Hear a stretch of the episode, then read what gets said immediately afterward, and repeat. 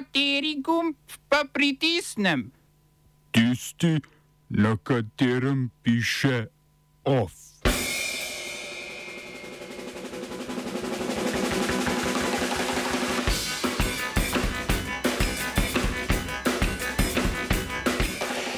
Kanada prepoveduje prodajo nepremičnin tujcem. Železniški delavci v Združenem kraljestvu ponovno stavkajo. V ZDA tablete za umetno prekinitev nosečnosti postale dostopnejše. V kulturnih novicah, kaj bomo brali v 2023?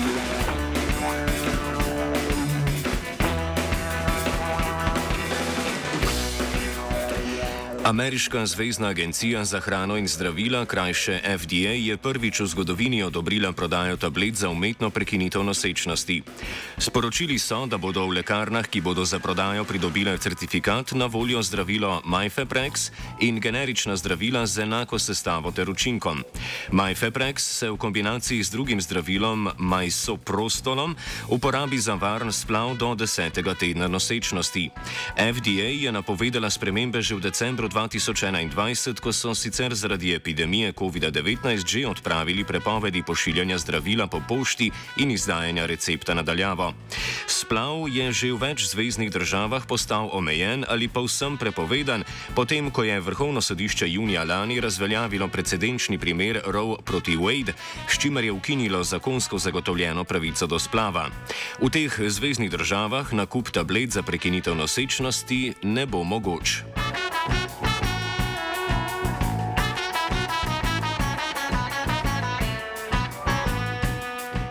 Ameriški predstavniški dom tudi po tretjem krogu glasovanja ni uspel izvoliti svojega novega predsednika, saj noben izmed kandidatov ni dobil potrebnih 218 glasov v 435 sedežnem domu.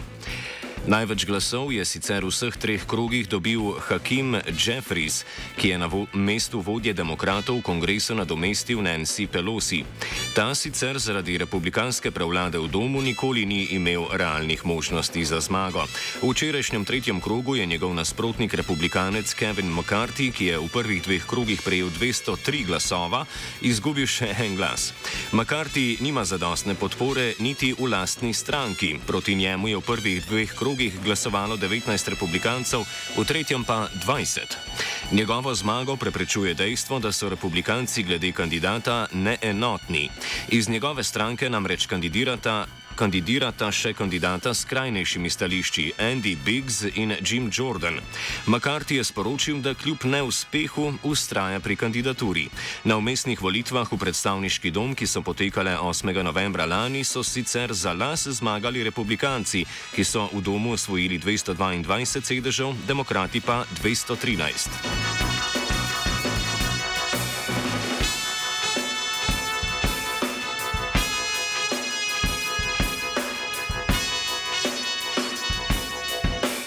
Ameriška ambasada na Kubi je ponovno začela z izdajanjem viz in konzularno dejavnostjo. Oboje so v histeriji prekinili leta 2017 med administracijo Donalda Trumpa po pojavu enigmatičnega bolehanja zaposlenih na ambasadi s čudnimi simptomi, kot je šumenje v glavi, ki jih niso znali pripisati nobeni bolezni in okoljskemu vzroku. Misteriozno bolezen, ki se je izkazala za skupinsko psihozo, so jo poimenovali Havanski sindrom. Pri izdajanju viz bodo prednostno obravnavani ljudje, ki imajo v Združenih državah že svoje družine. Skupno naj bi izdali 20 tisoč viz letno. Trenutno skupaj v Združene države migrira največ ljudi v zadnjih desetletjih. Leta 2021 je bilo kubanskih migrantov v ZDA 39 tisoč, lansko leto že več kot 320 tisoč. To je predstavljalo dodaten pritisk na Bidenovo vlado za ureditev več legalnih načinov za vstop kubancev v državo in za oživitev dialoga o migracijah s kubanskimi oblastmi.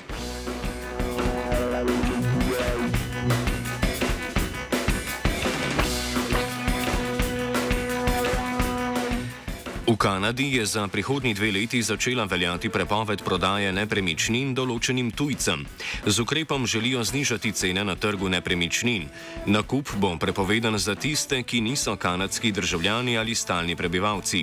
Izjeme bodo ostali tuji študenti, ki so v državi manj kot pet let, ljudje z začasnimi dovoljenji za delo in prosilci za status begunca.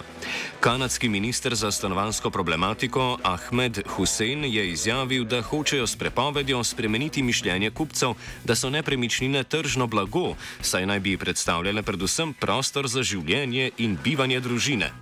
Lansko poletje je povprečna cena stanovanj dosegla 11-kratnik povprečnega letnega neto dohodka kanadskega gospodinstva, saj je znašala več kot 777 tisoč kanadskih dolarjev, to je več kot 530 tisoč evrov.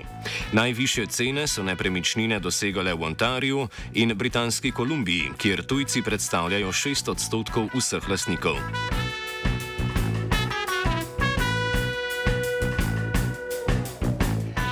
Zaposleni na britanskih železnicah so začeli z novo petdnevno stavko, s katero želijo doseči uskladitev plač z visoko inflacijo.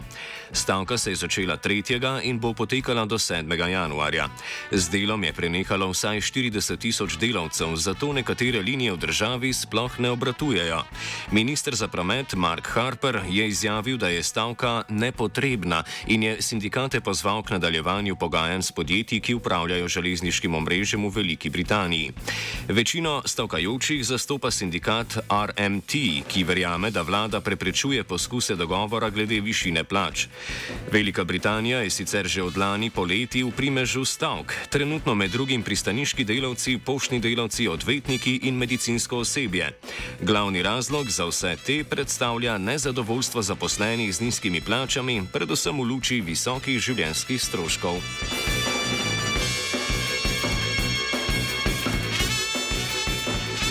Vladajoča vojaška hunta v Mjanmaru je na 75. obletnico samostojnosti od britanskega imperija napovedala amnestijo in izpustitev več kot 7000 zapornikov.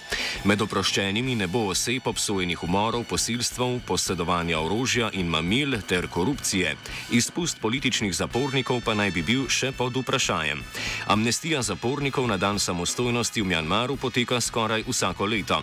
Na proslavi ob dnevu samostojnosti pa so oblasti podelili podelile tudi poseben red za zasluge državi. Prejemnik tega je ultranacionalistični in protimuslimansko usmerjeni budistični menih Vajrat. Omenjeni menih že dolgo časa strogo nastopa proti muslimanski manjšini Rohingja. Njegovo delovanje naj bi bilo tudi temelj za vojaško operacijo preganjanja manjšine leta 2017.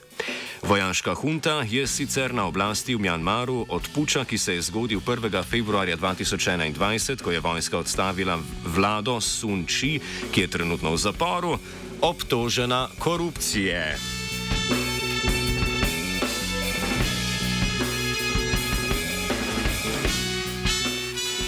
Bolgarsko državno plinsko podjetje Bulgargas je s turškim podjetjem Botaš podpisalo dolgoročni sporazum o uporabi turških plinskih terminalov in omrežja.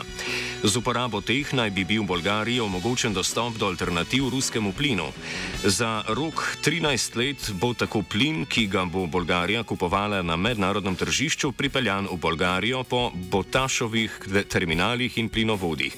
Več o dogovoru pojasni Goran Radosavljevič z inštituta FEFA u Beogradu. Ovaj ugovor koje su Bugarska i Turska potpisala o transportu gasa uglavnom će se ticati gasa koji će dolaziti sa tržišta vezano za uh, tečni prirodni gas i on će se kupovati bilo gde na tržištu. Dakle, neće uh, Bugarska kupovati gas uh, od Turske iz njenih izvora, Turska nema ovaj, dovoljno gasa ni za sebi, ona ga kupuje na tržištu, ali ima značajne kapacitete za uvoz e, gasa sa tržišta i Bugarska e, potpisivanjem ovog dugoročnog ugovora e, u stvari stavlja sebi na raspolaganje, odnosno Turska je stavila Bugarskoj na raspolaganje njihovu infrastrukturu za protok tog gasa koji će dolaziti kroz te, da kažem, kapacitete za uh, utečnjavanje, odnosno delikvifikaciju uh, prirodnog gasa. Bolgarija je bila predtem močno odvisna od ruskega plina. Rusko podjetje Gazprom je sicer že aprila lani prenehalo z dobavo zemljskega plina Bolgariji, saj je ta skladno z evropskimi sankcijami zoper Rusijo prenehala s plačevanjem v rublih. Več v današnjem offsajdu ob petih. Smo se osamosvojili, nismo se pa osvobodili. Naslednje število je še 500 projektov. Izpiljene modele, kako so se strani nekdanje LDS rotirali. Ko to dvoje zmešamo v pravilno zmes, dobimo zgodbo o uspehu. Takemu političnemu razvoju se reče udar. Jaz to vem, da je nezakonito, ampak kaj nam pa ostane? Brutalni obračun s politično korupcijo. To je Slovenija, tukaj je naša zemlja, to je Slovenija, Slovenija, Slovenija.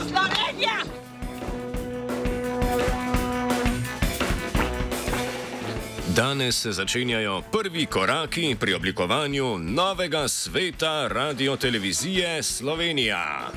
Predsednica republike Nataša Pirc-Musar je danes opravila žreb, s katerim je bilo določeno, kateri člani sveta bodo imenovani za štiriletni in kateri za dveletni mandat. Novi svet zavoda, ki bo nadomestil dozdajšnji programski svet, bo sestavljalo 17 članov. Od tega bo 6 članov sveta predsednikov zaposlenih na RTV Slovenija. 11 članov sveta zavoda bo predstavnikov javnosti iz institucij in organizacij z različnih področji. Imenovali jih bodo na podlagi javnih pozivov, na katere se bodo lahko prijavili kandidati z ustreznih področji.